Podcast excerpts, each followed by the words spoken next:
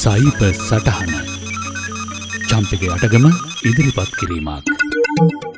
කෙටි පනිවිට හරහ පැතිරී යන අති භයානක ජංගම දුරකථන වෛරසයක් මේ දිනවල ඉතා ශීක්‍රයෙන් ව්‍යක්තවමින් යනවා. ඔබ බොහෝ දෙනෙකුට සමහරවිට දිනකට මෙවැනි පනිවිට කිහිපයක් පවා ලැබී තියෙනවා වෙන්න පුළුවන්. ඔබට අතහැරුණු වොයිස්මේල් පනිවිඩයක් ශ්‍රවණය කිරීමට ඒ සමග ඇති ලිංක එක කලික් කරන ලෙසින් මෙම SMS පනිවිඩිය ඉල්ලා සිටිනවා.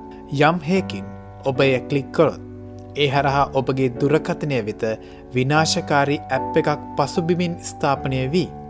එය විසින් රහසේ ඔබගේ පාස්වර්ඩ්ස් පුද්ගලික විස්තර සොරා ගැනීමට අමතරව ඔබ නොදැනුවත්ව ඔබගේ දුරකථනය හරහා වෙනත් දුරකථනවලටත් මෙවැනි හානිකර කෙටි පනිවිට දහස් ගන්නින් යවන්නට එය පටන් ගන්නවා. දැනට ඔස්ට්‍රලියාවට අමතරව යුරෝපේත් ඉතා විශාල ලෙසින් පැතිරි යන මෙම සයිබ අපරාධය හඳුන්වන්නේ ෆ්ලූ බොට් ස්කෑම්ස් නමින්. ස්කෑම්වොච් ආයතනයට අනුව ෆ්ලූබොට් මුලින්ම වාර්තා වනේ පසුගිය අගෝස්තු හතරවනිදා. ඔවුන් තවදුරටත් සඳහන් කරන්නේ මේ සම්බන්ධ රිපෝටිංස් එකැනෙ වාර්තාවීම් පන්දස් පන්සියක් ඉක්මවා යවමින්. ඉතිහාසේ එක ස්කෑම් එකක් සම්බන්ධව කෙටි කලකින් ලැබුණු වැඩිම පැමිණිලි ප්‍රමාණය මෙයට මේ වන විටත් ලැබී ඇති බව. මින් එක සිද්ධියකදී එක්තරා පුද්ගලයකු ඩොලර් පන්දාහකට ආසන්න මුදලක් සොරා ගැනීමකට ලක්වී තිබෙනවා. දැන් ඔබට පැහැදිලි ඇති මේ කෙතරම් භයානක මැල්වය එකක්ද කියලා. මේ ස්කෑම් පණවිට හඳුනාගන්නේ කෙසේද. මේ පණිවිට බොහෝවිට වැරදි ස්පෙලිං සහිත වචන කේපයක් සමඟ වොයිස්මේල් රිසිව් යන සඳහන් කරනවා. ඊට අනුයාතව ලිංක් එකක්ද ඇතුළත් වෙනවා. කිසිම ලෙසකින් මෙම ලිංක් එක වෙත පිවිසෙන්නේ එපා. වහාම පණවිඩිය මකා තමා අංකය බ්ලොක් කරන්න. නමුත් අපි හිතමු ඔබ වැරදීමකින් එ කලික් කලා කියලා. දැන් මොකද වෙන්න. එවිට එය විසින් ඔබ හානිකර වෙබ් අඩවියක් වෙතරගෙන යනවා.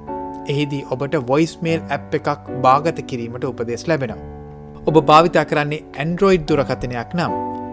එහිදී ඔබ අනුමැතිය දුන් සැනින් එම භයානක මැල්වයායක ඔබගේ දුරකථනය ස්ථාපිත වෙනවා. ඔබ භාවිතා කරන්නේ iPhone දුරකථනයක් නම් ඔබ ෆ්ලූබොට් වලින් ආරක්ෂිතයි. නමුත් ෆ්ලූබොට් නොවන වෙනත් ඇප් එකක් මේ වෙබ් අඩ විහරහා ඉන්ස්ටෝල්වීමේ හැකියාව තිබෙන නිසා iPhone දුරකථන භාවිතා කරන අයත් ඉතා පරිස්සම් විය යුතු වෙනවා. ඔබේ දුරකථනය මේ වන විටත් මේට ගොදුරු වී ඇත්නම් ඒ රහසිගත්ව ක්‍රියාත්මක වෙන නිසා ඔබේ ගැන දැනගන්නේ කෙසේද. මේ මැල්වයා ඇප් එකෙන් නම වොයිස්මේල්. එවැන්නක් ඔබේ ඇන්ඩරෝයිඩ් දුරකථනය ස්ථාපිත වී ඇද්දයි ඔබට පහසුවම පරීක්ෂා කළ හැකි. ඊට අමතරව. මේ මැල්වයා එකින් කරන මූලිකම කාර්ය දුරකථනය ඇති ඔබේ කන්ටෙක්් සහ වෙනත් අහම්බු නොම්මර විශාල ප්‍රමාණයකට මෙම හානිකර කෙටි පනිවිඩ යැවීම. එම නිසා මේගැන ඔබේ මිතුරන්ගෙන් සහ නොදන්නා පුද්ගලයන්ගෙන් විමසීමෙනු ඇති.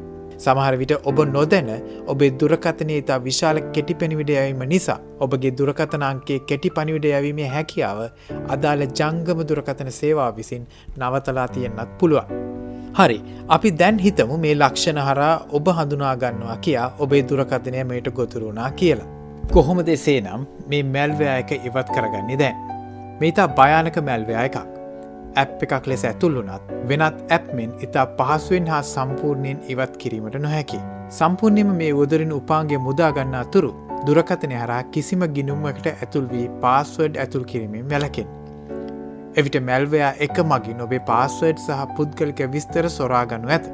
ඔබට අවශ්‍ය නම් ඔබගේ ගිනුවල පාස්වඩ් වෙනත් උපාන්ගය කරා වෙනස් කරගන්න පුළුවන්.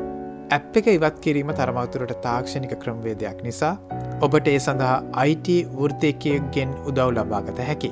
එසේ නැතහොත් නිල ඇන්ටිවයිරස් ඇප් එකක් ඉන්ස්ටෝල් කර ඒ හරහා මැල්වයා ඇප් එක ඉවත් කරගන්න පුළුවන්. එසේත් නැත්තම් වඩා ආරක්ෂිතම ක්‍රියාමාර්ගය නම් උපාන්ගය ෆැක්ටරි රිසෙට් හරහා සම්පූර්ණයෙන්ම වෛරසෙන් මුදා ගැනීම. මෙහිදී එහි ගබඩාවී තිබූ ඔබේ ඡායරූප පනිවිඩ සහ ඇප් සියල්ල ඔබට අහිම්වී යනු ඇත.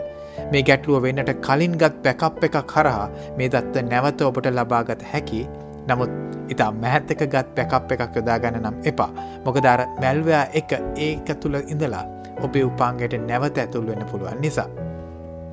දැන් ඔබට තේරනවා ඇති ඔබ නොදැන කලබලයට සැකකටයුතු ලිංක එකක් කලික් කිරීම කෙතරම් ව්‍යසනයකට ඔබුව හෙලීමේ අවධානමක් ඇති කරනවද කියලා. ඔබ දන්න හෝ නොදන්න කෙනෙක් එවන කෙටි පනිවිඩියක සැකකටයුතු ලිංක එකක් තියෙනවනම් ඒට පිවිසෙන්න එපා කිසිවිටක. වහාම එය මකාදමන්. එම අංකයට කතා කරන්න යන්නත් එපා මොකද ස්පූෆිං තාක්ෂණය හරහා ඔවුන් වෙනත් අයගේ අංකවලින් එන ලෙසත් පනිවිඩය විය හැකි නිසා. පසුගිය වසරේ කොවිඩ් නිසා වැඩි පිරිසක් ඔන්ලයින් ශොපින් වෙත යොම්වීම නිසා. සයිබ හොරුන් ඔස්ට්‍රේලියනුවන්ගෙන් මෙවැනි ස්කෑම් සරා සොරාගත් මුදල ඩොලර් මිලියන අටසිය පණහක්. කනගාටුවට කාරණේ මේ වසරේ මේ ඉලක්කය ලේසියෙන්ම අභිභවායාමට නියමිත වීමයි. ඉතා මහන්සියෙන් ඔබ උපයන මුදල් සහ මිල්ල කළ නොහැකි ඔබගේ පුද්ගලික දත්ත. සයිබහොරුන්ගේ අතට යනවද නැද්ද කියලා තීරණය කරන්නේ ඔබේ කලික් එකයි. ඒ නිසා think before you click. අදත් ඔබට සයිප සටහන ගෙන මම චම්පික යටකම්.